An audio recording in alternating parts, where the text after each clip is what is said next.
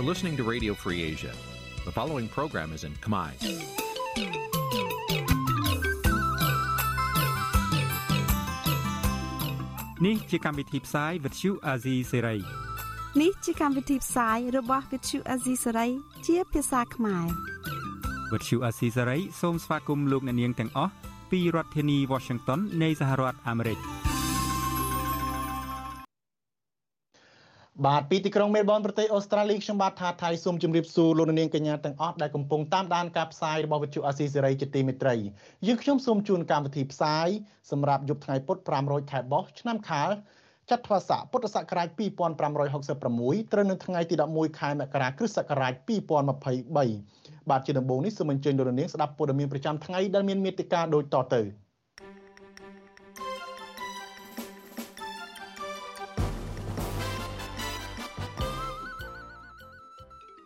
លោកគំគំរកមេធាវីជួយការពារក្តីរឿងបកកណ្ដាលអំណាចប្តឹងទារលុយ50ម៉ឺនដុល្លារម្ចាស់បទឈាមបាតកោខកចិត្តដែលអាជ្ញាធរបង្ខំអង្គការសង្គមស៊ីវិលឲ្យលុបបទចម្រៀងរបស់លោកចេញពីបណ្ដាញសង្គម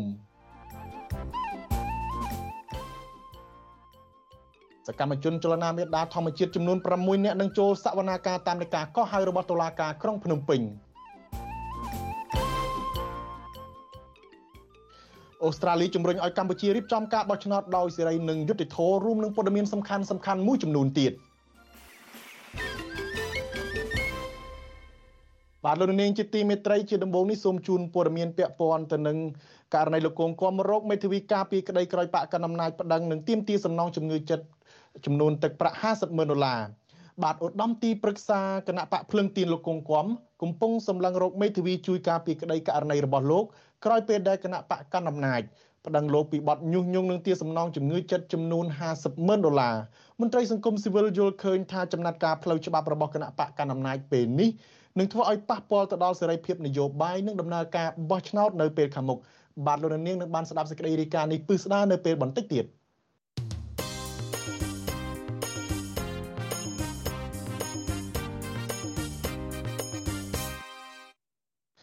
បាទលោកនាងជាទីមេត្រីតកតងទៅនឹងកិច្ចអន្តរាគមន៍របស់លោកហ៊ុនសែនរឿងចំនួនដីធ្លីវិញ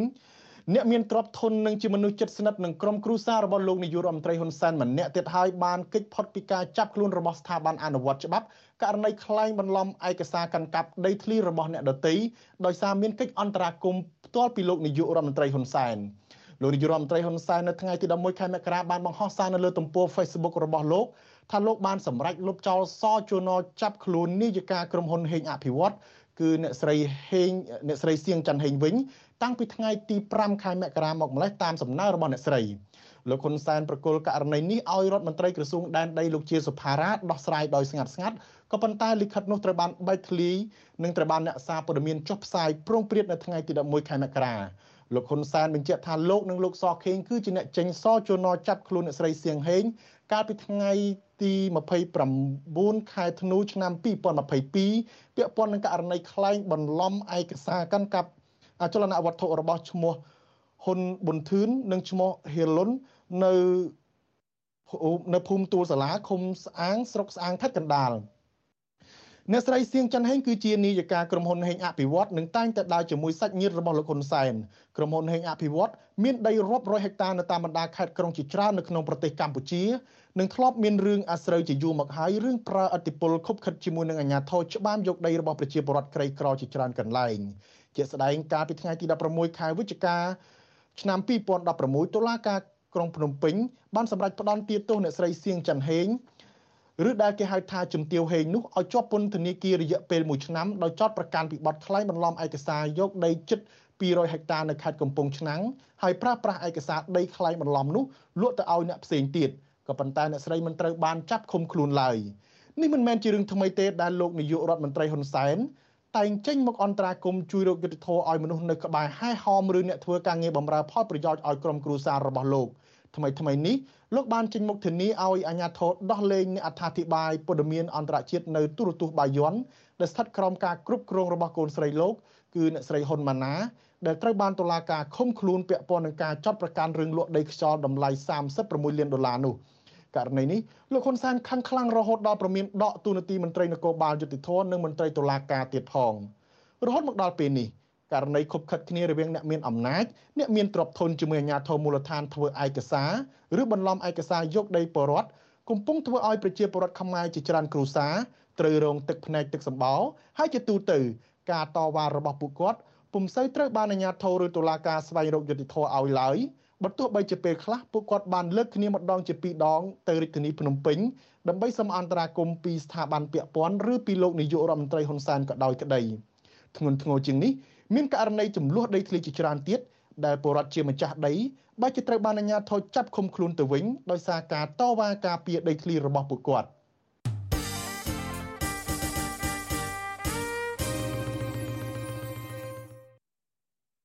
បាទលោកនាងជាទីមេត្រីតកតងទៅនឹងប្រតិកម្មរបស់អ្នកប្រប្រាស់បណ្ដាញសង្គមទៅលើវិធានការរបស់អាជ្ញាធររដ្ឋាភិបាលរឿងបទចម្រៀងឈាមបាតកោវិញ បាទអ្នកប្រើប្រាស់បណ្ដាញសង្គម Facebook មួយចំនួនរិះគន់អាជ្ញាធររដ្ឋាភិបាលដែលបង្កប់ឲ្យសង្គមស៊ីវិលលុបបទចម្រៀងឈាមបាតកោចេញពីប្រព័ន្ធផ្សព្វផ្សាយរបស់ពួកគេក្រសួងវប្បធម៌អះអាងថាបទចម្រៀងនេះមានចរិតញុះញង់ធ្វើឲ្យប៉ះពាល់ដល់សង្គមក៏ប៉ុន្តែអ្នកប្រើប្រាស់បណ្ដាញសង្គមសួរថាបើឲ្យលុបបទចម្រៀងនឹងចេញថាតើរឿងយុតិធធននៅផ្លូវវែងស្រេងរយៈពេល9ឆ្នាំកន្លងមកនោះពេលណាបានផ្ដល់យុតិធធនដល់ជនរងគ្រោះ បាទលោកសេកបណ្ឌិតសូមដកស្រង់ទស្សនៈមតិខ្លះៗនៅលើបណ្ដាញសង្គមជុំវិញរឿងនេះជំរុញជម្រាបជូនលោកនាងដូចតទៅអតីតកាលកន្លងផុតបញ្ចប់ដោយឈឺចាប់អ្នកណាម្ចាស់ករណី Facebook ឈ្មោះម៉ាចត្រាដែលគេស្គាល់ថាជាយុវជនសង្គមនិងបរិស្ថាន បានបញ្ចេញទស្សនៈរបស់ខ្លួនជុំវិញរឿងនេះលើ Facebook របស់ខ្លួនថា ការបង្ហោះចម្រៀងឈាមបាតកោពុំមែនជាគោលបំណងអាក្រក់ ដោយអ្វីដែលក្រសួងវប្បធម៌បានចោទប្រកាន់នោះទេលោកថាការបង្ហាញបទចម្រៀងនោះគឺក្នុងគោលបំណង3យ៉ាង ក្នុងនោះរួមមានការបង្ក្រប់ខួប9ឆ្នាំនៃការប្រៅអំពើហិង្សានៅផ្លូវវែងស្រេងស្នើសុំឲ្យមានការស៊ើបអង្កេតបន្តដើម្បីស្វែងរកយុត្តិធម៌ជូនដល់ជនរងគ្រោះនិងរួមគ្នាទប់ស្កាត់កុំឲ្យមានអំពើហិង្សាគ្រប់រូបភាពមាចត្រាបញ្ជាក់ថានេះជាការលើកឡើងរបស់លោកអំសំអាត ជាមន្ត្រីជាន់ខ្ពស់នៃអង្គការលីកាដូដែលបានប្រាប់ទៅខាងមន្ត្រីប៉ូលីសការិយាល័យសន្តិសុខផ្ទៃក្នុងប្រទេសនៃស្នងការដ្ឋាននគរបាលរាជធានីភ្នំពេញកាលពីរសៀលថ្ងៃទី9ខែមករាដោយឡែកម្ចាស់ករណី Facebook មួយទៀតឈ្មោះភិរិន បានសរសេរបញ្ចេញទស្សនៈរបស់ខ្លួនថាមិនក៏ទៅជារឿងញុះញង់ទៅវិញ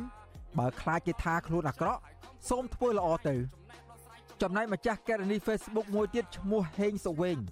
បានបញ្ចេញទស្សនៈឬ comment ជុំវិញករណីនេះដែរថាបទចម្រៀងឈាមបាតកោនេះចាក់ចំដំបៅដែលឈឺមិនទាន់ជាសះស្បើយចំណែកម្ចាស់ករណី Facebook ឈ្មោះលៀងអូនចិត្តសម្ដែងការភ្ញាក់ផ្អើលចំពោះចំណាត់ការរបស់អាជ្ញាធរបែបនេះថាអូដល់ថ្នាក់នឹងផងអន់ម្លេះគ្រាន់តែចម្រៀងខ្លាចដល់ថ្នាក់នឹងដល់ឡែកម្ចាស់ករណី Facebook ផ្សេងមួយទៀតឈ្មោះខ្មែរម្ចាស់ប្រទេសបានបញ្ចេញទស្សនៈជុំវិញរឿងនេះដោយដាក់ជាសំណួរថា តើហេតុអ្វីក៏អស់លោកខ្លាចស្រមោលខ្លួនឯងយ៉ាងដូចនេះតើសកម្មភាពនិងរូបភាពទាំងនោះអ្នកណាជាអ្នកប្រព្រឹត្តតើទង្វើរបស់ក្រុមណាទើបបានជាលោកថាខូចសណ្ដាប់ធ្នាប់សង្គមទៅវិញតើអ្នកដែលប្រព្រឹត្តនោះជាអ្នកបង្កអសន្តិសុខដែរទេ ជាមួយគ្នានេះដែរម្ចាស់ករណី Facebook ឈ្មោះប៉ែនលងហៃបានសរសេរឆ្លើយតបនឹងករណីនេះដែរថាបើអញ្ចឹងមើលឃើញលឿនណាស់ ចំពោះអ្នកមានអំណាចមួយចំនួនវិញ យកដីធ្វើបាបប្រជាជនលុបបឹងសមុទ្រកាប់ព្រៃឈើនិងអំពើពុករលួយជាច្រើនទៀតមើលមិនឃើញសោះអ្នកប្រមូលផ្ដុំហើយតវ៉ាបាតកោធ្វើបាតកម្មបាតកម្មអហិង្សាឈាមស្រោចលើធរណីដេកដួលទៅលើដីអ្នកណាខ្លះដែលនៅចាំបាតកម្មលើដងវិថីរងគ្រោះអយុត្តិធម៌បាត់បង់ Facebook ឈ្មោះអាញាបានបញ្ចេញទស្សនៈដោយដាក់ជាសំណួរថា ឲ្យគេលុបបទចម្រៀងហ្នឹងចុះអារឿងអយុធធម៌រយៈពេល9ឆ្នាំកន្លងមកនោះពេលណា បានផ្ដាល់ដល់ជនរងគ្រោះ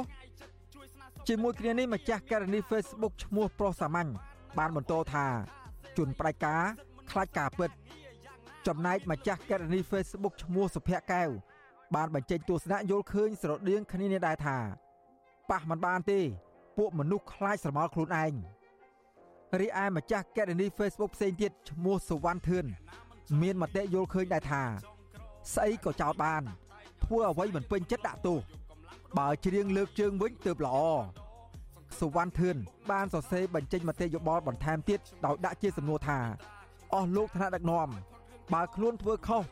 រៀបច្រៀងរៀបរាប់ការពិត គឺបំពុលសង្គមបង្កអាសន្នសុខសង្គមបើច្រៀងលើកជើងវិញ ច្បាប់ថាល្អណាស់នេះឬ ប្រទេសប្រជាធិបតេយ្យទាំងត្រដោសង្ឃឹមថាថ្ងៃមុខនឹងឈប់ខ្លាយជាទេសកោខ្ញុំលើកហាត់ថាបិទនេត្រាខ្ញុំសេចក្ដីសូមឲ្យផុតរឿងទាំងអស់រស់នៅមិនខ្លាចរអាញញឹមឲ្យផ្ដល់កម្លាំងចិត្តហើយកំពុងរឿងប្រាជ្ញាយកចំណេះដោះស្រាយចំណងប្រឡងនឹងបញ្ហាជាច្រើនអ្នកប្រមូលផ្ដុំហើយដោយឡែកម្ចាស់កេតនី Facebook មួយទៀតឈ្មោះពៅតារា បានសរសេរថាគ្រាន់តែគ្នាច្រៀងក៏ខុសដែរនេះឬប្រទេសប្រកាន់ប្រជាធិបតេយ្យជាមួយគ្នានេះ ម្ចាស់ករណី Facebook មួយទៀតឈ្មោះហេងណាលីនបានបន្តថាអញ្ចឹងហើយគោដំបៅខ្នងក្អែកហើរំលងរំសាយកន្ទុយចំណែកម្ចាស់ករណី Facebook ផ្សេងទៀតបានផុសនៅរូបគំនូសថ្លុកហាក់ចង់បង្ហាញទស្សនវិជ្ជាពីរផ្សេងគ្នា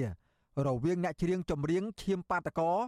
និងអ្នកវាយកំទេចចេតិយបុរាណអាយុប្រមាណ100ឆ្នាំនៅក្នុងវត្តបទុមដីក្នុងរាជធានីភ្នំពេញកាលពីពេលថ្មីថ្មីនេះថាអ្នកណាពិតប្រាកដជាអ្នកអុចអាលបំពុលសង្គមដែលត្រូវចាប់ខ្លួននោះបាទទស្សនៈចុងក្រោយដែលខ្ញុំបាទលើកយកមកបង្ហាញនៅពេលនេះគឺម្ចាស់កេរនី Facebook ឈ្មោះសាមេតណយបានបង្ហាញទស្សនៈរបស់ខ្លួនថាសន្តិភាពនៅក្នុងសង្គមខ្មែរបច្ចុប្បន្ន ពលរដ្ឋខ្មែរគ្មានសិទ្ធិនិយាយការពិតគ្មានសិទ្ធិរិះគន់នៅទង្វើអាក្រក់របស់ជនអាក្រក់នោះឡើយជាពិសេសថែមទៀតនោះគឺជាសង្គមមួយដែលអមនុស្សធម៌អយុត្តិធម៌ជាទីបំផុត ចំពោះអ្នកហ៊ាននិយាយការពិតជាក់ស្ដែងក្នុងការរស់នៅក្នុងរបបសពថ្ងៃនេះខ្ញុំបាទសេកបណ្ឌិតវុទ្ធុអាស៊ីសេរីពីរដ្ឋធានីវ៉ាស៊ីនតោនចំណងប្រឡងនឹងបញ្ហា បាទលោកនាងជាទីមន្ត្រីយើងមិនទាន់តាឆ្ងាយពីបទចម្រៀងឈាមបាតកោនេះទេបាទម្ចាស់បទចម្រៀងឈាមបាតកោនេះបង្ហាញការខកចិត្តនិងស្នើឲ្យអាជ្ញាធរឈប់បង្ខំក្រុមអង្គការសង្គមស៊ីវិលឲ្យលុបចម្រៀងចេញពីបណ្ដាញសង្គមរបស់ខ្លួនហើយក្រុមអង្គការសង្គមស៊ីវិលវិញបើទោះបីជាលុបចម្រៀងនេះចេញពីបណ្ដាញសង្គម Facebook ក៏ដោយក៏ពួកគាត់បង្ហាញការខកចិត្ត និងលើកឡើងថាបទចម្រៀងនេះគ្រាន់តែជាការរំលឹកខួប9ឆ្នាំនៃព្រឹត្តិការណ៍បង្ក្រាបបង្ហូរឈាមនៅផ្លូវវែងស្រេងតែប៉ុណ្ណោះគ្មានចេតនាញុះញង់ឡើយបាទលោកទីនសការីយ៉ារីកាព័ត៌មាននេះម្ចាស់បទចម្រៀងរ៉េបឈាមបាតកោលោកគៀសគុណលើកឡើងថាវិធានការរបស់អាជ្ញាធរតម្រូវឲ្យអង្គការសង្គមស៊ីវិលលុបបទចម្រៀងនេះចេញពីបណ្ដាញសង្គមនិងចោទប្រកាន់អត្តន័យក្នុងបទចម្រៀងនេះថាមានចេតនាញុះញង់នោះគឺជារឿងមិនសមហេតុផលឡើយ។ លោកគៀសគុណប្រាប់វិទ្យុអាស៊ីសេរីនៅថ្ងៃទី11មករាថាខ្លឹមសារនៃបទចម្រៀងនេះគ្មានចរិតញុះញង់ឬបង្កអសន្តិសុខសង្គមដោយការចោទប្រកាន់របស់ក្រសួងវប្បធម៌នោះឡើយលោកអះអាងថាលោកគ្រាន់តែចង់រំលឹកឡើងវិញនៅបដកម្មហឹង្សាបង្ហូរឈាមកម្មករនៅផ្លូវវែងស្រេងកាលពី9ឆ្នាំមុនតែប៉ុណ្ណោះលោកខកចិត្តចំពោះការបង្ខិតបង្ខំឲ្យអង្គការសង្គមស៊ីវិលទាំង4នាក់ លុបឃ្លីបវីដេអូចម្រៀងចេញពីបណ្ដាញសង្គមនិងស្នើឲ្យក្រសួងវប្បធម៌ពិនិត្យក្លឹបសារបទចម្រៀងឡើងវិញខណៈបទចម្រៀងមួយនេះទទួលបានការគាំទ្រខ្លាំងពីមហាជនទូទៅពួកខ្ញុំពិបាកក្នុងការបកស្រាយដែរព្រោះបើសិនជាខាងក្រសួងគាត់គិតថាញុះញង់ខ្ញុំមិនដឹងថាខ្លឹមសារតាណាដែលថាញុះញង់បើគាត់អត់បញ្ជាក់ថាកន្លែងនេះទៅញុះញង់កន្លែងនេះអត់ញុះញង់ក៏បានបញ្ជាក់មកបទចម្រៀងឈាមបាតកោច្រៀងរ៉ែបដោយយុវជនគៀសគុណ រៀបរាប់ពីការប៉ះទង្គិចគ្នាដោយហិង្សាធ្ងន់ធ្ងររវាងអាជ្ញាធរនិងក្រុមបាតកោដែលជាកម្មកររោងចក្រក្នុងព្រឹត្តិការណ៍បាតកម្មតវ៉ាទាមទារប្រាក់ខែគោល160ដុល្លារក្នុងមួយខែនៅផ្លូវវែងស្រីនៅរោងចក្រយ៉ាជីងកាលពីដើមឆ្នាំ2014ក្នុងคลิปវីដេអូចម្រៀងប្រមាណជា4នាទី បានបង្ហាញពីសកម្មភាពកងកម្លាំងចម្រុះប្រដាប់ដោយខែលដំបងនិងអាវុធវាយដំនិងបាញ់រះលើវងបាតកោរហូតដល់មានការបង្ហូរឈាមបណ្ដាលឲ្យមនុស្សស្លាប់4នាក់ របួសជិត40នាក់បាត់ខ្លួនម្នាក់និងមានមនុស្ស23នាក់ត្រូវអាជ្ញាធរចាប់ខ្លួនពីបទបង្កហិង្សានិងបំផ្លិចបំផ្លាញទ្រព្យសម្បត្តិដោយចេតនាក្រោយពីការបង្ហោះវីដេអូបទចម្រៀងឈាមបាតកោក្នុងពិធីរំលឹកខួបព្រឹត្តិការណ៍បាញ់ប្រហារនៅផ្លូវវែងស្រេងបាន4ថ្ងៃរដ្ឋមន្ត្រីក្រសួងវប្បធម៌និងវិចិត្រសិល្បៈនៅស្រីភឿងសក្កណាកាលពីថ្ងៃទី7មករាបានស្នើទៅអគ្គស្នងការនគរបាលជាតិលោកនេតសាវឿន ឲ្យចាត់វិធានការទប់ស្កាត់ការផ្សព្វផ្សាយបទចម្រៀងឈាមបាតកោដែលចោទថាបទចម្រៀងនេះមានខ្លឹមសារអុចអាលញុះញង់អាចបង្កអសន្តិសុខស្ដាប់ធ្នាប់ដល់សង្គមភ្លាមភ្លាមក្រោយពីមានសំណើរបស់ក្រសួងវប្បធម៌នេះមានមន្ត្រីអង្គការសង្គមស៊ីវិលចំនួន4រូបត្រូវបានស្នងការនគរបាលរាជធានីភ្នំពេញក៏ហៅទៅសាកសួរស្ដីពីការបង្ហោះឃ្លីបវីដេអូគាំទ្របទចម្រៀងនេះជាបន្តបន្ទាប់ក្នុងនោះរួមមាននាយកទទួលបន្ទុកកិច្ចការទូតទៅនៃអង្គការលីកាដូលោកអំសំអាត ដែលបានចូលបំភ្លឺនៅថ្ងៃទី9មករាចំណែកនាយកប្រតិបត្តិនៃមជ្ឈមណ្ឌលសម្ព័ន្ធភាពការងារនិងសិទ្ធិមនុស្សហៅកាត់ថាសង្ត្រលលោកមឿនដុល្លារនិងប្រធានសមាគមប្រជាធិបតេយ្យអាយក្រិចនៃសេដ្ឋកិច្ចក្រៅប្រព័ន្ធលោកវ៉ុនពៅបានចូលបំភ្លឺនៅថ្ងៃទី10មករាដោយឡែកប្រធានសម្ព័ន្ធសមាគមសហគមន៍កសិករកម្ពុជាលោកថេងសាវឿនបានស្នើសុំពន្យាពេលចូលបំភ្លឺនៅថ្ងៃទី17មករាខាងមុខ ជុំវិញនឹងរឿងនេះអ្នកនាំពាក្យស្នងការនគរបាលរាជធានីភ្នំពេញលោកសានសុកសីហាលើកឡើងថាអ្នកចម្រៀងនិងអង្គការសង្គមស៊ីវិលគួរតែពិនិត្យទៅលើខ្លឹមសារបទចម្រៀងជាមុនមុននឹងយកមកផ្សព្វផ្សាយដោយលោកអះអាងថាដើម្បីជៀសវាងធ្វើឲ្យប៉ះពាល់ដល់សន្តិសុខសម្រាប់ធ្នាប់សង្គមទោះជាយ៉ាងណាលោកបញ្ជាក់ថាការអនុវត្តនីតិវិធីនេះធ្វើឡើងតាមការស្នើសុំរបស់ក្រសួងវប្បធម៌ប៉ុន្តែលោកមិនបានបញ្ជាក់ពីឃ្លានៅក្នុងបទចម្រៀងដែលលោកចោទថាជាការញុះញង់នៅឡើយ។ ខ្ញុំអត់ detail លើបញ្ហាហ្នឹងឯងព្រោះខ្ញុំអត់មានវិភាគអីលើបញ្ហាហ្នឹងអញ្ចឹងគាត់ថាយើងមើលលិខិតមើលហើយយើងមើលវីដេអូលើហ្នឹងទៅយើងអាចវិតម្លៃដឹងហើយលើលិខិតផុសខាងក្រសួងវប្បធម៌ក៏អាចបញ្ជាក់លើបញ្ហាហ្នឹង detail ថាតើការសំណើសុំមកអគ្គស្នងការឋាននគរបាលជាតិក្នុងការចាត់ធានការវាមានលក្ខណៈមិនដែរណាបាទអញ្ចឹងយើងមើល detail លើហ្នឹងទៅបាទក្រោយការជុលបំភ្លឺនឹងរងការប្រមានពីស្នងការរាជធានីភ្នំពេញមន្ត្រីអង្គការសង្គមស៊ីវិលទាំងនោះបានយល់ព្រមលុបឃ្លីបវីដេអូបទចម្រៀងនោះចេញពីបណ្ដាញសង្គម និងគេហទំព័ររបស់ខ្លួនទាំងបង្ខំចិត្តពួកគេអះអាងថាខ្លឹមសារពិតនៃបទចម្រៀងគ្រាន់តែជាការរំលឹកពីបាតកម្មនាគ្រានោះនិងស្នើសុំឲ្យអាជ្ញាធរបើកការស៊ើបអង្កេតលើករណីនេះឡើងវិញឲ្យបានច្បាស់លាស់និងតម្លាភាពនាយកទទួលបន្ទុកកិច្ចការទូតនៃអង្គការលីកាដូលោកអំសំអាត មានប្រសាសន៍ថាបទចម្រៀងឈាមបាតកោកើតចេញពីការសហការគ្នារវាងអង្គការលីកាដូនិងអង្គការសង្ត្រល់និងច្រៀងដោយយុវជនគៀសកុន ដើម្បីបង្ហាញពីសេរីភាពនៃការបញ្ចេញមតិដែលត្រូវបានធានាដោយរដ្ឋធម្មនុញ្ញនិងបទដ្ឋានអន្តរជាតិលោកបន្តថាបទចម្រៀងឈាមបាតកោមានបំណងស្នើដល់អាជ្ញាធរឲ្យបើកការស៊ើបអង្កេតលើករណីនេះឡើងវិញដើម្បីផ្ដល់យុត្តិធម៌ដល់ជនរងគ្រោះនិងចាប់មេខ្លោងជនបង្កពិតប្រាកដមកទទួលខុសត្រូវចំពោះមុខច្បាប់ ជាពិសេសការទទូចឲ្យលុបបំបាត់អំពើហិង្សាគ្រប់ទម្រង់មកលើប្រជាពលរដ្ឋ តើអានឹងជាបទល្មើសឬក៏ជាការចូលរួមដើម្បីពង្រឹងនៅយុត្តិធម៌និងនីតិរដ្ឋនៅកម្ពុជា និងជាការទប់ស្កាត់ដើម្បីកុំឲ្យមានអំពើហិង្សានឹងតទៅទៀតហើយបើរឿងដែលធ្វើត្រូវច្បាប់ហើយវាទៅខុសច្បាប់តើថ្ងៃក្រោយទៅយ៉ាងម៉េចអានឹងគឺយើងពិនិត្យពិចារណាចំណុចនេះកាលពីចុងឆ្នាំ2020តុលាការខេត្តសៀមរាបបានសម្រេចផ្តន្ទាទោសយុវជនគៀសគុណឲ្យជាប់ពន្ធនាគាររយៈពេល1ឆ្នាំកន្លះ ពីបទញុះញង់ឲ្យប្រព្រឹត្តបទអក្រក់ជាអាតការចោទប្រកាន់នេះធ្វើឡើងបន្ទាប់ពីយុវជនរូបនេះច្រៀងរ៉េបរិះគន់បញ្ហាសង្គមដូចជាអំពើអយុត្តិធម៌សេដ្ឋកិច្ចធ្លាក់ចុះពលរដ្ឋក្រីក្រដើរសំទាននិងចំណាកស្រុកកាន់តែច្រើន បញ្ហាព្រំដែនសង្គមជាតិទន់ខ្សោយនិងការធ្លាក់ចុះគុណធម៌ជាដើមករណីចោទប្រកាន់របស់អាជ្ញាធរលើបទចម្រៀងឈាមបាតកោនេះសាធារណជនទូទៅមើលឃើញថា អ្នកចម្រៀងមនសិការ ដែលច្រៀងរៀបរាប់ពីភាពអសកម្មនិងអំពើអយុត្តិធម៌ក្នុងសង្គមតែងតែរងការគំរាមកំហែងរហូតដល់ជាប់ពន្ធនាគារខុសពីអ្នកនិពន្ធឬអ្នកចម្រៀងដែលច្រៀងគាំទ្រលើកដំកើងក្រុមគ្រួសារបពពួកអ្នកមានអំណាចជាពិសេសលោកហ៊ុនសែនទទួលបានតំណែងជាបន្តបន្ទាប់ទៅវិញខ្ញុំទីនសាការីយ៉ាអស៊ីសេរីប្រធានីវ៉ាស៊ីនតោន បាទលោកនាងជាទីមេត្រីប្រសិនបើលោកនាងចង់ដឹងអំពីខ្លឹមសារនិងរូបភាពវីដេអូនៃបទចម្រៀងឈាមបាតកោយ៉ាងណានោះលោកនាងក៏អាចចូលទៅទស្សនានិងស្ដាប់បទចម្រៀងនេះនៅលើទំព័រ Facebook របស់វិទ្យុអស៊ីសេរីបានបាទសូមអរគុណបាទឥឡូវនេះយើងងាកមករឿងគណៈបកភ្លឹងទៀនវិញគណៈបកភ្លឹងទៀនកំពុងស្វែងរកការគ្រប់គ្រងពីប្រជាពលរដ្ឋខ្មែរនៅក្រៅប្រទេសអនុប្រធានគណៈបក មួយនេះគឺលោកសុនឆៃថ្លែងថាការរៀបចំរចនាសម្ព័ន្ធនៅក្រៅប្រទេសគឺជារឿងសំខាន់និងចាំបាច់ដើម្បីអាចឲ្យគណៈបកនេះមានកម្លាំងនិងធនធានគ្រប់គ្រាន់សម្រាប់ការប្រកួតប្រជែងការបោះឆ្នោតឆ្នាំ2023ខាងមុខលោកសុនឆៃបន្តថាគណៈបកភ្លើងទៀនមិនសូវមានឧបសគ្គក្នុងការប្រមូលកម្លាំងគ្រប់គ្រងនោះទេបើទោះបីជាពេលនេះ គណៈបកកណ្ដាលអំណាចក៏កំពុងពង្រីកបណ្ដាញនៅក្រៅប្រទេសក៏ដោយក្តីបាទតកតងនឹងរឿងនេះខ្ញុំបាទមានបទសម្ភាសន៍លំអិតមួយជាមួយនឹងអាដាមសុនឆៃហើយនឹងបង្ហោះនៅលើគេហទំព័រ Facebook របស់អាស៊ីសេរីដែលមានអាសយដ្ឋាន www.rfa.org/ ខ្មែរបាទលោកនាងអាចចូលទៅទស្សនាបទសម្ភាសន៍នេះបានសូមអរគុណ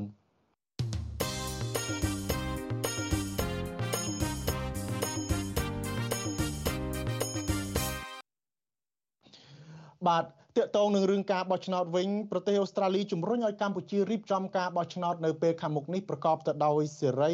និងយុត្តិធម៌អគ្គរដ្ឋទូតប្រទេសអូស្ត្រាលីប្រចាំកម្ពុជាលោកប៉ាប្លូកាំង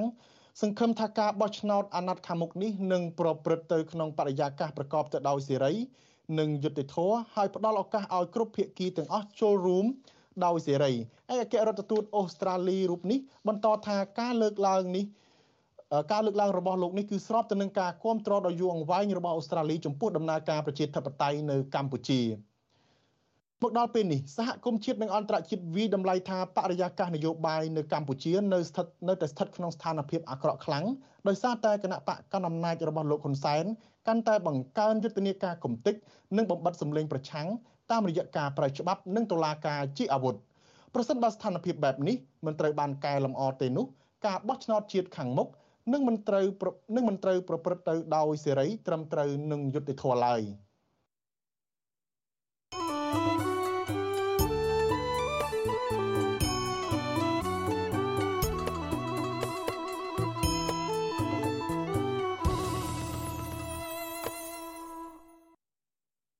បាទតកតងទៅនឹងការធ្វើយុទ្ធនាការកំតិចទៅលើថ្នាក់ដឹកនាំគណៈបកប្រឆាំងនោះឥឡូវនេះគឺបានកើតឡើងទៅលើមន្ត្រីជាន់ខ្ពស់របស់គណៈបកភ្លឹងទៀនមួយទៀតហើយគឺ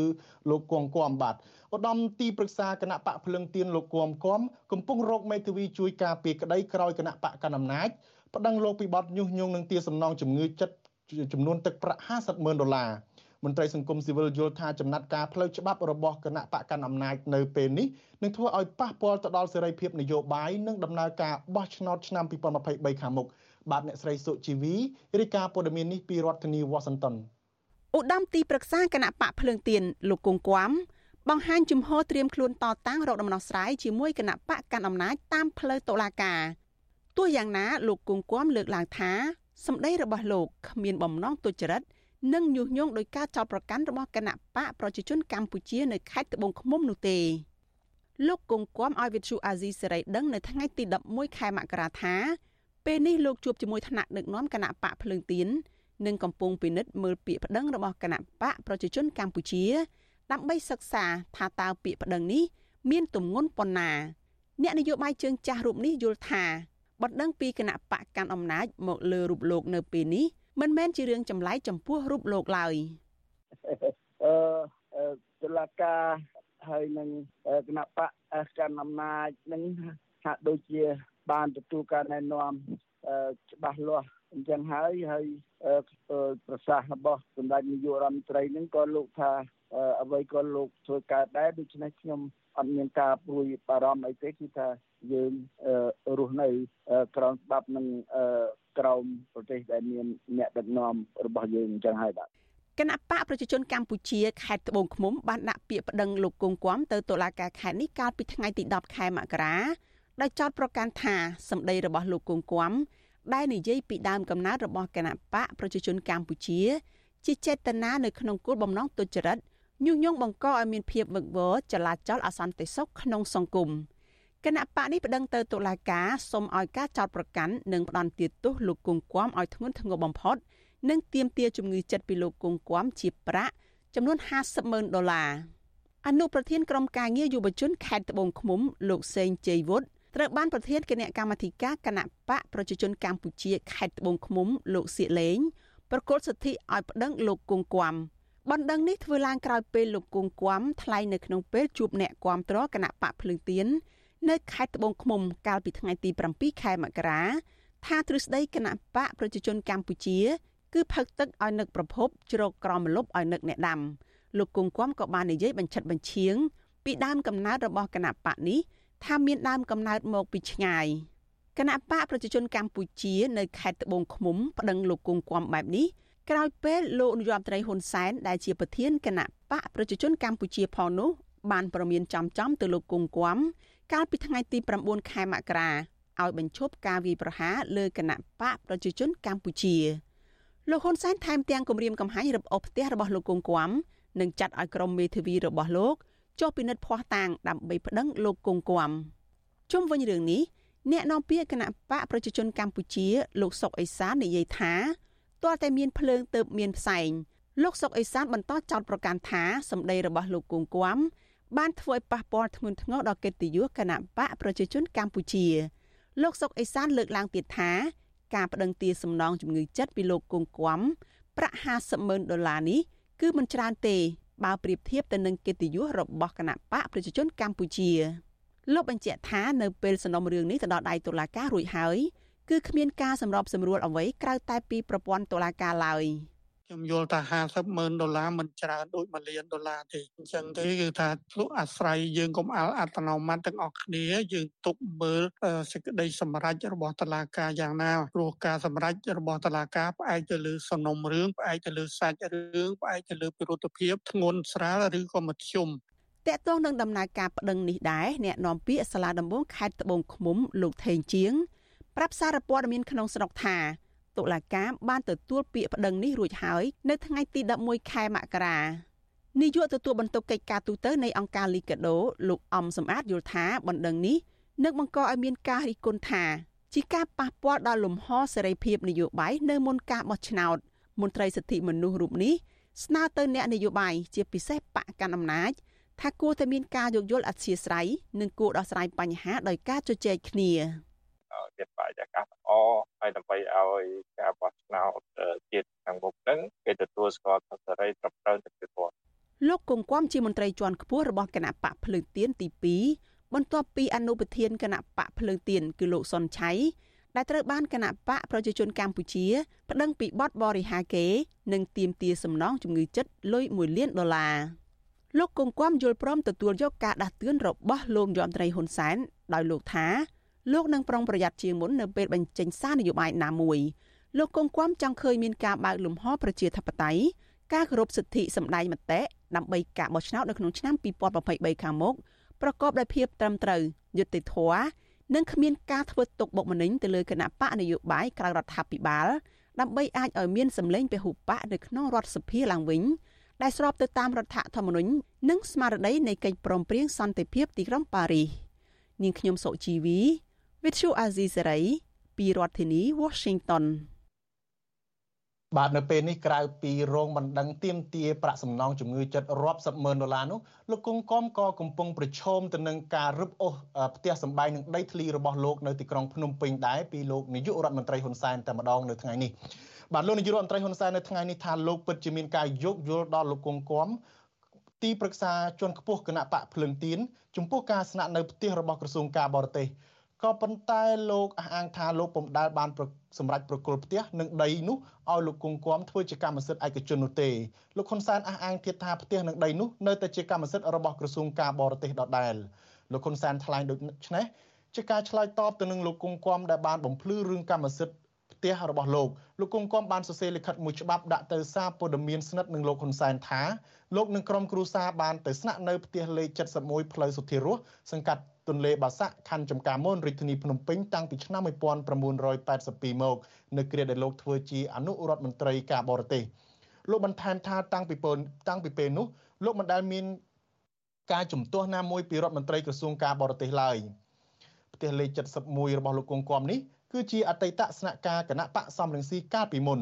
លោកហ៊ុនសែនបន្ថែមថាការបកស្រាយរបស់លោកគង់គំគឺជាភ័ស្តុតាងមិនអាចប្រកែកបានលោកហ៊ុនសែនអះអាងថាតាមផ្លូវច្បាប់ ផ្ទះនិងដីនេះនៅតែជាកម្មសិទ្ធិរបស់ក្រសួងការបរទេសហើយវាដល់ពេលដែលក្រសួងការបរទេសមានតម្រូវការយកផ្ទះនិងដីនេះត្រឡប់មកវិញដើម្បីចាត់ចែងប្រើប្រាស់បម្រើឲ្យកិច្ចការរបស់ក្រសួងវិញ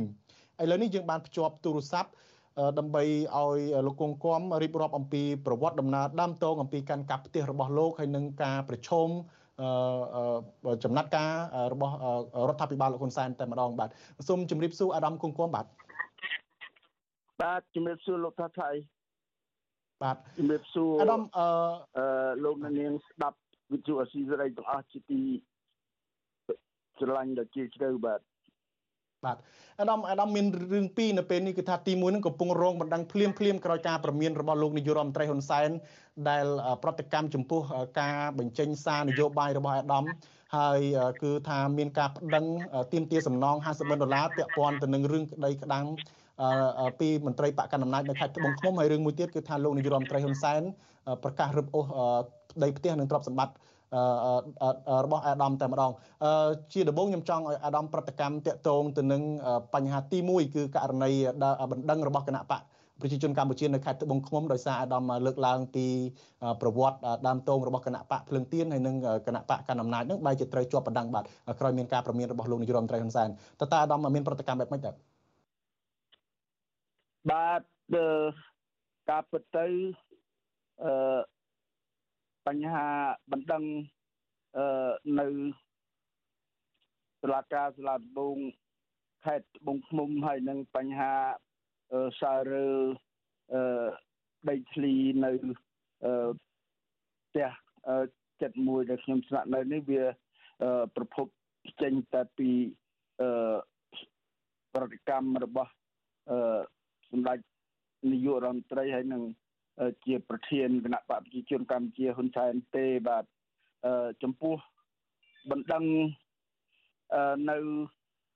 អឺខេត្តត្បូងឃ្មុំនោះអឺខ្ញុំបានអាននិងបានអឺពិនិត្យទាំងអង្គហេតុអង្គច្បាប់អី ទៅនឹងគឺថាអឺការចោទពីបទមានចេតនាទុច្ចរិតឬក៏បទញុះញង់ធ្វើឲ្យមានចលាចលក្នុងសង្គមនឹងវាមិនជាក់ស្ដែងទេបាទអឺការដែលខ្ញុំលើកឡើងបញ្ហានេះនៅឯខេត្តត្បូងឃ្មុំហ្នឹងគឺដោយ អឺយល់ថាគណៈបកតែពីរទេក្រោយការបោះឆ្នោតក្រមប្រសាអឺឃុំសង្កាត់អឺឆ្នាំ2022នឹងដែលទទួលបានការគ្រប់គ្រងអឺពីប្រជាពលរដ្ឋសម្លេងច្រើនជាងគេហើយក៏មានអឺអាសនៈក្រមប្រសាឃុំសង្កាត់នឹងច្រើនជាងគេបាទដូច្នេះឈ្មោះទៅការបោះឆ្នោត ឆ្នាំ2013អឺវេទិកាជួបអឺសកម្មជនជួបអ្នកគ្រប់គ្រងហ្នឹងគឺថាអឺតែងតែអឺលើកគណៈបកដែលជាគូប្រជែងនឹងអឺលេចធ្លោនឹងអឺដើម្បីឲ្យសមាជិកដើម្បីឲ្យអឺអ្នកគ្រប់គ្រងនឹងអឺដឹងពីអឺ លក្ខណៈសម្បត្តិរបស់គណៈបកប្រជែងគ្នានឹងបាទដូច្នេះជួនពេលដែលគណៈបកប្រជាជនកម្ពុជាកំពុងរំលឹកខួបថ្ងៃ7មករាហើយក៏ថ្មីថ្មីដែរគណៈបកភ្លើងទៀនបានរំលឹកខួបការ 27ឆ្នាំការបង្កើតគណៈបកភ្លើងទៀននោះខ្ញុំក៏យកថាពាក្យស្លោកមួយមកអឺដាស់តឿនសមាជិកនិងអ្នកគ្រប់គ្រងនឹងឲ្យចាប់អារម្មណ៍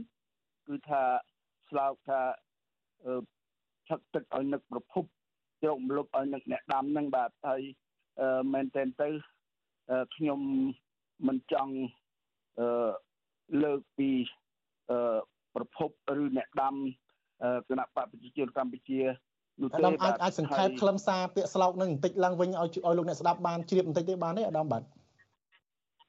បាទពាក្យស្លោកហ្នឹងគឺថាអឺ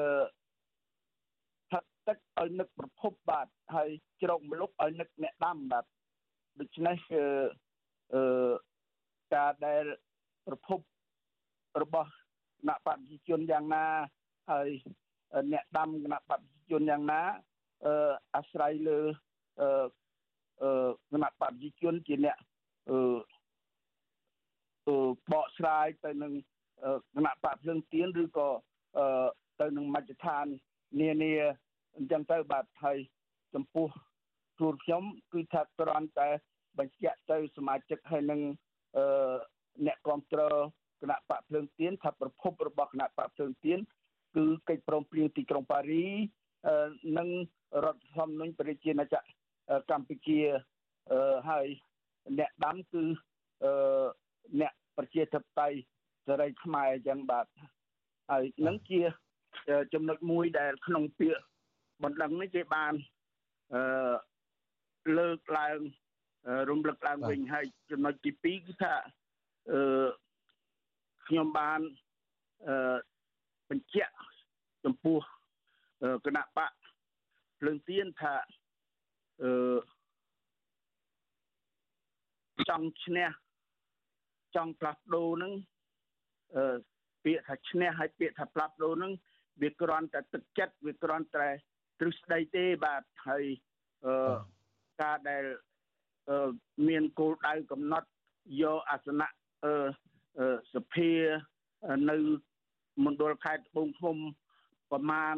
លើប្រមាណហ្នឹងក៏គ្រាន់តែជាទឹកចិត្តហើយនឹងជាទ្រឹស្ដីដែរឯអាដាមតើអាដាមយល់យ៉ាងម៉េចដល់ពេលដែលអាដាមជាអ្នកនយោបាយហើយនៅពេលដែលអាដាមគ្រាន់តែបញ្ចេញវោហាស័ព្ទនយោបាយទៅកាន់អ្នកគ្រប់គ្រងរបស់ខ្លួនឲ្យបង្ហាញពីលក្ខណៈសម្បត្តិរបស់គណៈបកនីមួយៗឲ្យអ្នកគ្រប់គ្រងនឹងបានយល់បានដឹង ហើយទីបំផុតទៅក៏រងការប្រតិកម្មខ្លាំងខ្លាំងពីលោកនាយករដ្ឋមន្ត្រីហ៊ុនសែនអាដាមត្រូវប្រឈមហើយយើងដឹងហើយតុលាការនៅពេលដែលលោកនាយករដ្ឋមន្ត្រីហ៊ុនសែនហាបែបណាគឺថាតុលាការតែងសម្រេចបែបនោះជារឿយៗចំពោះករណីនយោបាយតើតើអាដាមយល់យ៉ាងម៉េចនៅពេលដែលអ្នកនយោបាយមិនមានសិទ្ធិក្នុងការនិយាយស្ដីអីបែបនេះបាទបាទខ្ញុំអឺគិតថាយើងជាអ្នកប្រជាតៃ មានទម្លាប់អឺអឺដូចយើងរៀបរាប់បាញ់មិញអញ្ចឹងថាចង់ឲ្យអ្នកបោះឆ្នោតអ្នកគ្រប់គ្រងស្គាល់គណៈបកដែលប្រជែងគ្នាអញ្ចឹងប៉ុន្តែចំពោះគណៈបកប្រជាជនកម្ពុជាហើយនឹងស្មារតីខ្លះហ្នឹងគឺថាគាត់ឲ្យតែលើកពីគណៈបករបស់ខ្លួនកុំ ប៉ះពាល់ដល់គណៈបកផ្សេងទៀតពិសេសដល់គណៈបកប្រជាជនកម្ពុជាអីចឹងជាដើមយើងនៅខ្វែងនៅខុសគំនិតគ្នាដូច្នេះការដែលយើងលើកប៉ះពាល់ទៅគណៈបកប្រជាជនកម្ពុជាហ្នឹងលោកហ៊ុនសែនប្រមុខគណៈបកប្រជាជនកម្ពុជាហ្នឹងលោកប្រតិកម្មមកថាលោក សូមដាស់តឿនបាទលោកដាស់តឿនថាកុំអោយប៉ះពាល់ទៅគណៈបកប្រជាជនកម្ពុជាឲ្យលើកតែពីបញ្ហាគណៈបករបស់ខ្លួនទៅគឺគណៈបកភ្លើងទៀនទៅហើយអឺអឺដូច្នេះការដាស់តឿនរបស់គាត់ខ្ញុំក៏ទទួលអឺយកចិត្តទុកដាក់ប្រតិព្រាបនៅពេលខាងមុខថាយើង អឺ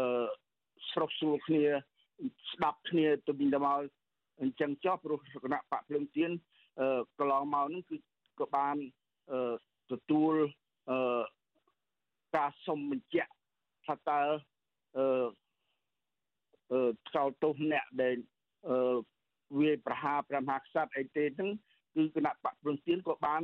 សហការតាមហេតុផលជាក់ស្ដែងហ្នឹងហើយ ដែលលោកតែចំហអាដាមដែលបន្ទន់អេយ៉ាបតនៅពេលនេះថាទទួលយកតាមការលើកឡើងរបស់លោកនាយករដ្ឋមន្ត្រីហ៊ុនសែនថាឲ្យលើកឡើងទីពីរឿងបាក់ខ្លួនឯងកុំប៉ះពាល់ដល់បាក់របស់លោកអីជាដើមហ្នឹងតើតើករណីនេះអាចធ្វើឲ្យមានការប្រែប្រួលទៅលើលោកទេទៅលើអាដាមផ្ទាល់ទេឬក៏យ៉ាងម៉េចដែរបាទខ្ញុំមិនជឿថាមានការប្រែប្រួលទេប៉ុន្តែគ្រាន់ថា អឺខាងខាងយើងជាអ្នកដែលអឺស្រឡាញ់អឺនីតិរដ្ឋគឺជាអ្នកនិយមការគោរពច្បាប់ហើយពិសេសក៏មានវប្បធម៌ថ្មីដើម្បីនឹងអឺទទួលអឺការដែលអឺសំសំសំណូមពរពីគ្នាទៅវិញទៅមកដើម្បីការដំណើរការការបោះឆ្នោតទៅថ្ងៃខាងមុខនឹងឲ្យ រលូននឹងយើងនឹងប្រប្រៀបអឺទៀងផ្ទាត់ទៅនឹងច្បាប់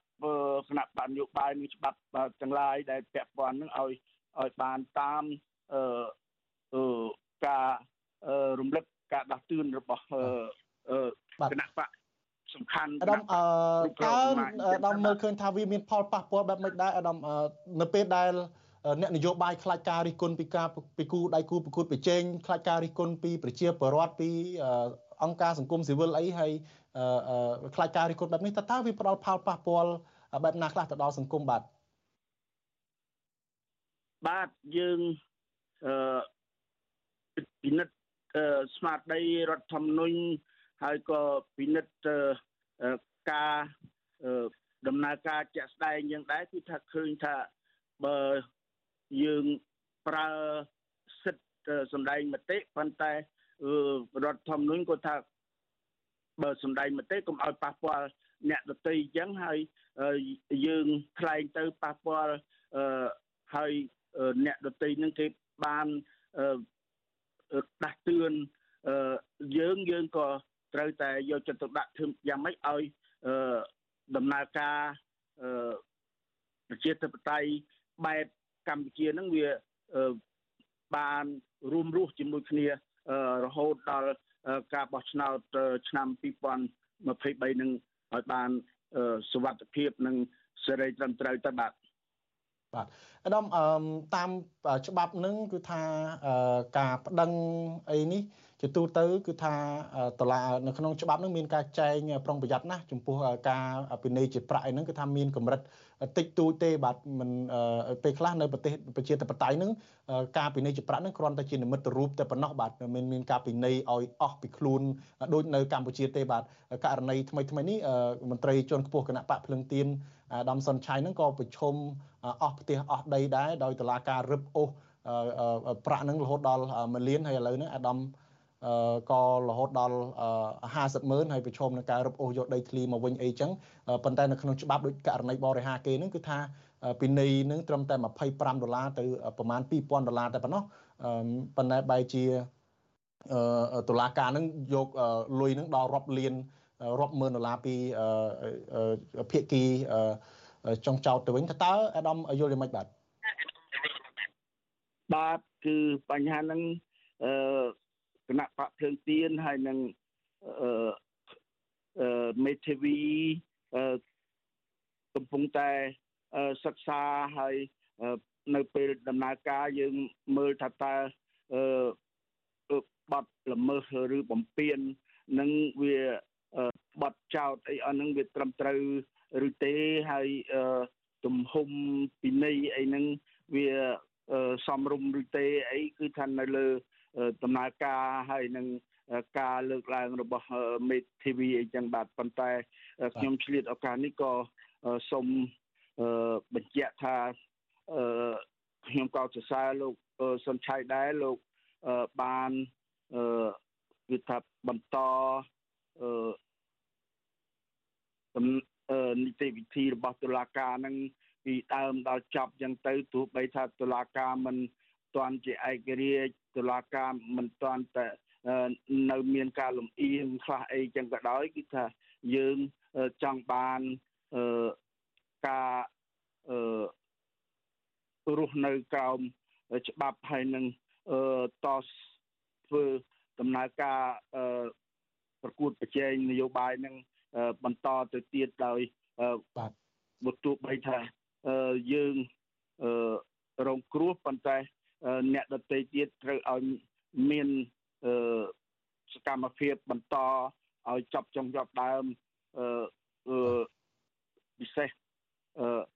យើងអឺរីករាយណាស់ដែលមានពហុបកនៅថ្នាក់ក្រមប្រឹក្សាគុំសង្កាត់នៅឆ្នាំ2022ហើយយើងចង់បានពហុបកនៅថ្នាក់ជាតិនៅក្នុងរដ្ឋសភា នៅឆ្នាំ2023នេះឲ្យបានតាម សំណូមពរការចង់បានរបស់មតិជាតិនិងអន្តរជាតិនោះបាទបាទអាដាមឥឡូវនេះងាកមករឿងដីផ្ទះរបស់អាដាមវិញដែលលោកនាយរដ្ឋមន្ត្រីហ៊ុនសែនហាងថាជាដីរបស់ក្រសួងការបរទេសពីមុនមកអឺឥឡូវនេះខាងតុលាការខាងរដ្ឋបាលលោកហ៊ុនសែននឹងក៏បានចោទប្រកាន់អាដាមនឹងពីការក្លែងបន្លំកាន់កាប់ដីនោះអាដាមអាចជួយរៀបរាប់អំពីប្រវត្តិដីនោះបន្តិចទៅអាដាមចូលស្នាក់នឹងរបៀបណាដែរបាទបានជាឥឡូវនេះគេចោទថាមានការក្លែងបន្លំឯកសារកាន់កាប់ដីនឹងទៅវិញបាទ បាទអឺដីទាំងអស់មុនដែលអនុក្រឹត្យលេខ25ឆ្នាំ89ដែលអឺឲ្យប្រជាពលរដ្ឋកម្ពុជាមានកម្មសិទ្ធិឯកជននឹងគឺថាសិទ្ធិតែជាដីរដ្ឋទាំងអស់ទេបាទហើយអឺខ្ញុំអឺបានបំរើ ក្រសួងការបរទេសហើយអឺមុនទៅធ្វើជាឯករដ្ឋទូតអឺប្រចាំអឺទីក្រុងហាណូយប្រទេសវៀតណាមហ្នឹងក៏បានស្នាក់នៅផ្ទះមួយដែលមានច្រើនគ្រួសារហើយមិនមែនតែខ្លួនខ្ញុំទេគឺដតអ្នកដទៃទៀតក៏ផាក់ផែលគ្នាអញ្ចឹងដែរបាទអឺហើយពេលចប់អឺ ភារកិច្ចនៅជាឯកឯកអគ្គរដ្ឋទូតនឹងវិលត្រឡប់មកវិញអឺបន្ទប់ដែលផ្ទះនៅគ្នាច្រើនគ្រួសារហ្នឹងត្រូវគ្រួសារដែលនៅក្នុងប្រទេសហ្នឹងបំបែកគ្នាស្នាក់នៅពេញទៅហើយខ្ញុំក៏ត្រូវបានបកគលផ្ទះមួយថ្មីទៀតក្នុងបរិវេណ ផ្ទះភ្ញៀវរបស់ក្រសួងការបរទេសដូចគ្នាដែរគេហៅថានៅផ្លូវសម្ដេចប៉ាន់នោះប៉ុន្តែនៅផ្ទះនោះមានបន្ទប់តិចបន្ទប់ទឹកតែមួយហើយនឹងចង្ក្រានតែមួយហើយខ្ញុំត្រូវមានគ្រួសារក្នុងបន្ទប់ក្នុងបន្ទប់ហ្នឹងគឺថាច្រើនគឺសមាជិកគ្រួសារខ្ញុំផ្ទាល់ក៏ច្រើនហើយ គ្រួសារពីរផ្សេងទៀតមានគ្រួសារអ្នកការទូតយើងឈ្មោះកាន់ភូមិដែលបម្រើការនៅម៉ូស្គូហើយនឹងបងថ្លៃជីដូនមួយស្រីម្នាក់ទៀតធ្វើការនៅវៀងច័ន្ទប្រទេសឡាវអីចឹងហើយរួមរស់ជាមួយគ្នានឹងសូមសូមសង្ខេបបន្តិចទេដងបាទបាទជួយសង្ខេបផងបាទបាទហើយ ដូច្នេះហើយ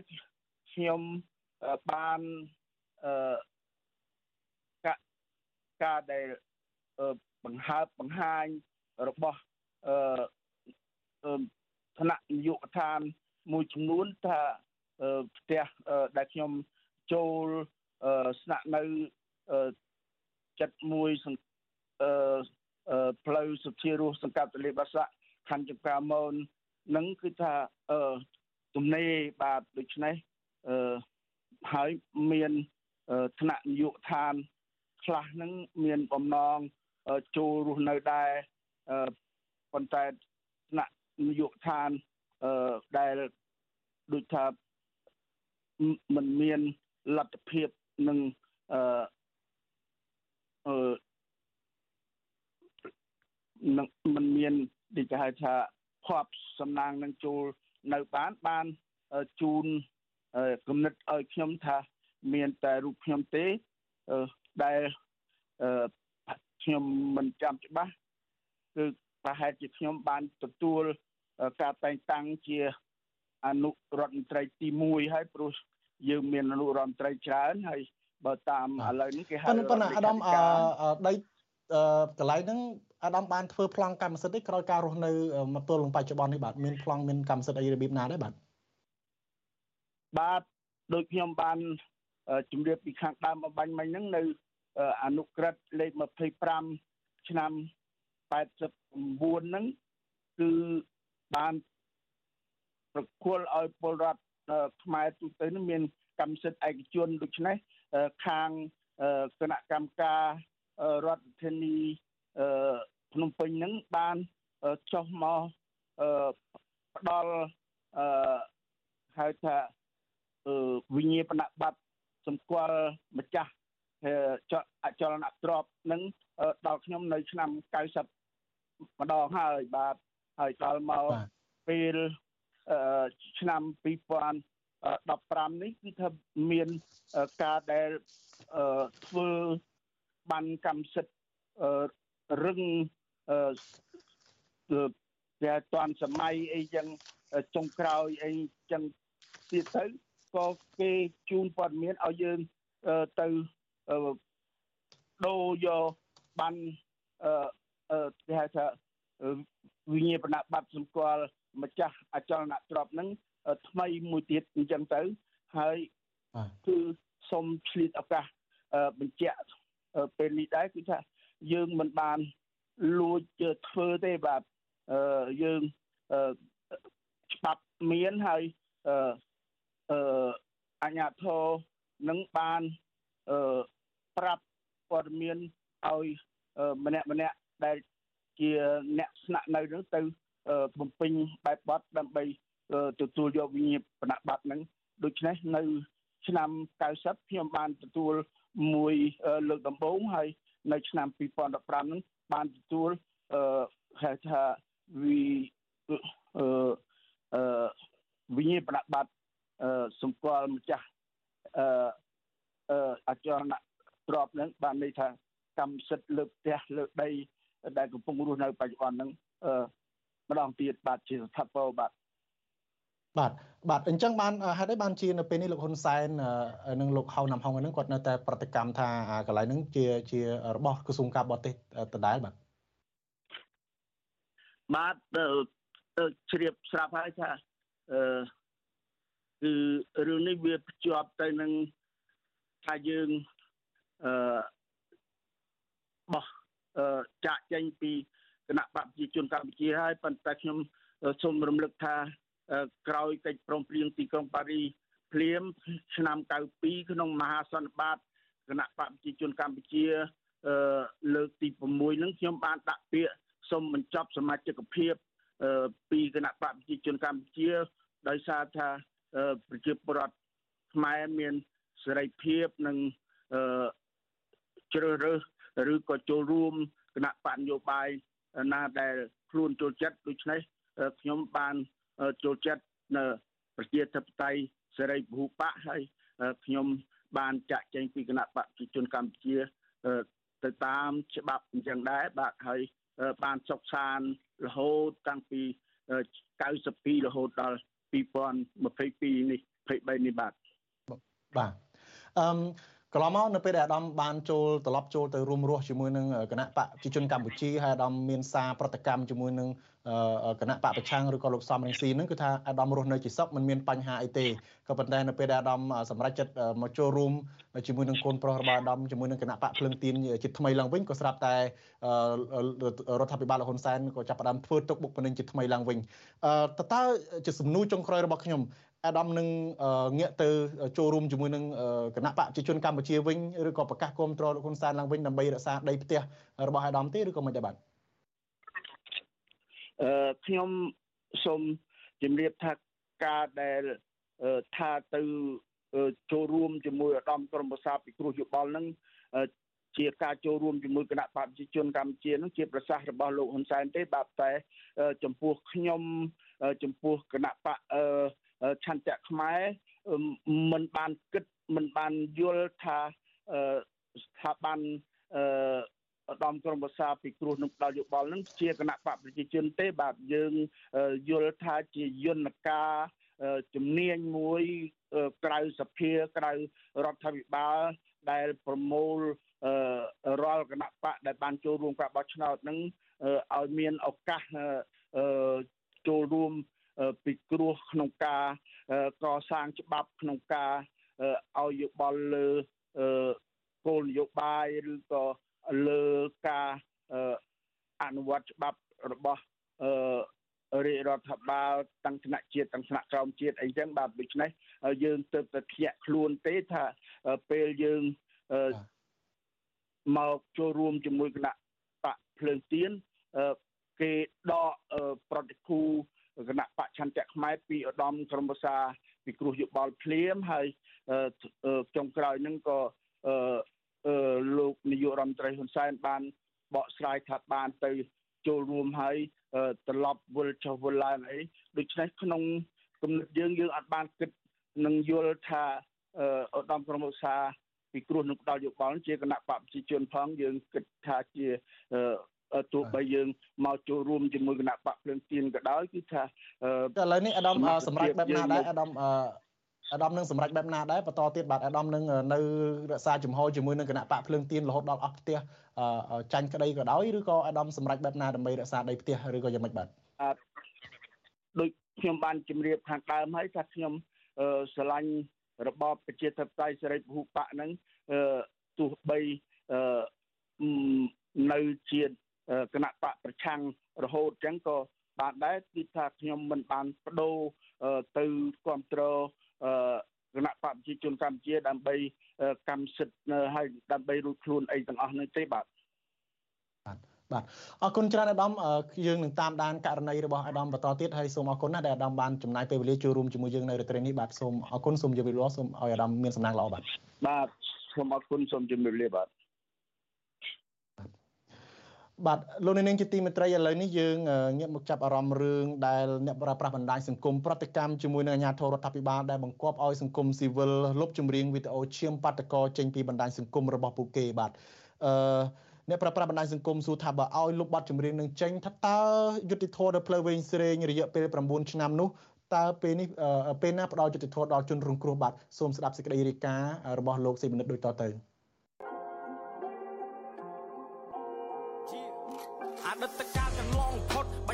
បញ្ចប់ដោយឈឺចាប់អ្នកណាម្ចាស់ករណី Facebook ឈ្មោះម៉ាចត្រាដែលគេស្គាល់ថាជាយុវជនសង្គមនិងបរិស្ថាន បានបញ្ចេញទស្សនៈរបស់ខ្លួនជុំវិញរឿងនេះលើ Facebook របស់ខ្លួនថា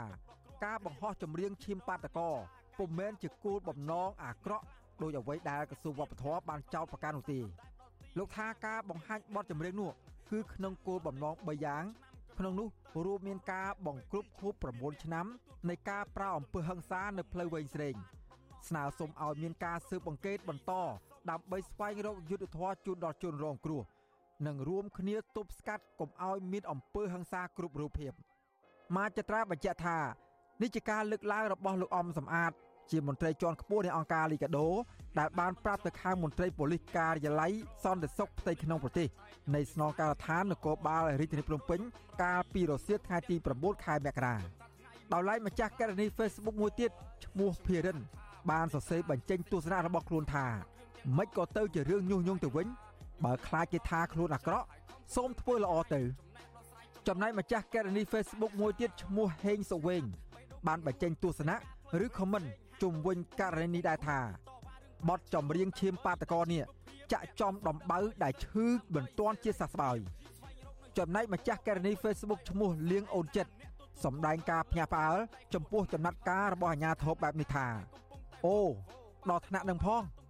អន់ម្លេះគ្រាន់តែចម្រៀងខ្លាចដល់ថ្នាក់នឹងដល់ឡែកម្ចាស់ករណី Facebook ផ្សេងមួយទៀតឈ្មោះខ្មែរម្ចាស់ប្រទេសបានបញ្ចេញទស្សនៈជុំវិញរឿងនេះដោយដាក់ជាសំណួរថាតើហេតុអ្វីក៏អស់លោកខ្លាចស្រមោលខ្លួនឯងយ៉ាងដូចនេះតើសកម្មភាពនិងរូបភាពទាំងនោះអ្នកណាជាអ្នកប្រព្រឹត្តតើទង្វើរបស់ក្រុមណាទើបបានជាលោកថាខូចសំណាប់ធ្នាប់សង្គមទៅវិញ តើអ្នកដែលប្រព្រឹត្តនោះជាអ្នកបង្កអសន្តិសុខដែរទេជាមួយគ្នានេះដែរម្ចាស់ករណី Facebook ឈ្មោះប៉ែនលងហៃបានសរសេរឆ្លើយតបនឹងករណីនេះដែរថាបើអញ្ចឹងមើលឃើញលឿនណាស់ចំពោះអ្នកមានអំណាចមួយចំនួនវិញយកដីធ្វើបាបប្រជាជនលុបបឹងសមុទ្រកាប់ព្រៃឈើ និងអំពើពុករលួយជាច្រើនទៀតមើលមិនឃើញសោះអ្នកប្រមូលផ្ដុំហើយតវ៉ាបតកោធ្វើបាតកម្មបាតកម្មអហិង្សាឈាមស្រោចលើធរណីដេកដួលទៅលើដីអ្នកណាខ្លះដែលនៅចាំបាតកម្មលើដងវិថីរងគ្រោះអយុត្តិធម៌បាត់បង់អាយុឈ្មោះអញ្ញាបានបញ្ចេញទស្សនៈដោយដាក់ជាសំណួរថាឲ្យគេលុបបទចម្រៀងហ្នឹងចុះអារឿងអយុត្តិធម៌រយៈពេល9ឆ្នាំកន្លងមកនោះពេលណាបានផ្ដាល់ដល់ជនរងគ្រោះ ជាមួយគ្នានេះម្ចាស់ករណី Facebook ឈ្មោះប្រុសសាមញ្ញបានបន្តថាជនប្រតិការខ្លាចការពិត ចំណែកម្ចាស់ករណី Facebook ឈ្មោះសុភ័ក្រកែវបានបញ្ចេញទស្សនៈយល់ឃើញស្រដៀងគ្នានេះដែរថាប៉ះមិនបានទេ ពួកមនុស្សខ្លាចស្រមោលខ្លួនឯងរីឯម្ចាស់ករណី Facebook ផ្សេងទៀតឈ្មោះសុវណ្ណធឿនមានមតិយល់ឃើញដែរថា ស្អីក៏ចោតបានធ្វើអ្វីមិនពេញចិត្តដាក់ទោស បើច្រៀងលើកជើងវិញទើបល្អ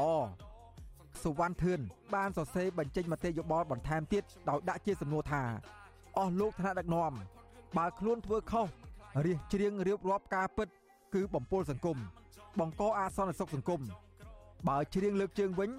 ច្បាប់ថាល្អណាស់នេះឬប្រទេសប្រជាធិបតេយ្យទាំងត្រដោសង្ឃឹមថាថ្ងៃមុខនឹងឈប់ខ្លាយជាទេសកោខ្ញុំលើកហាត់ថា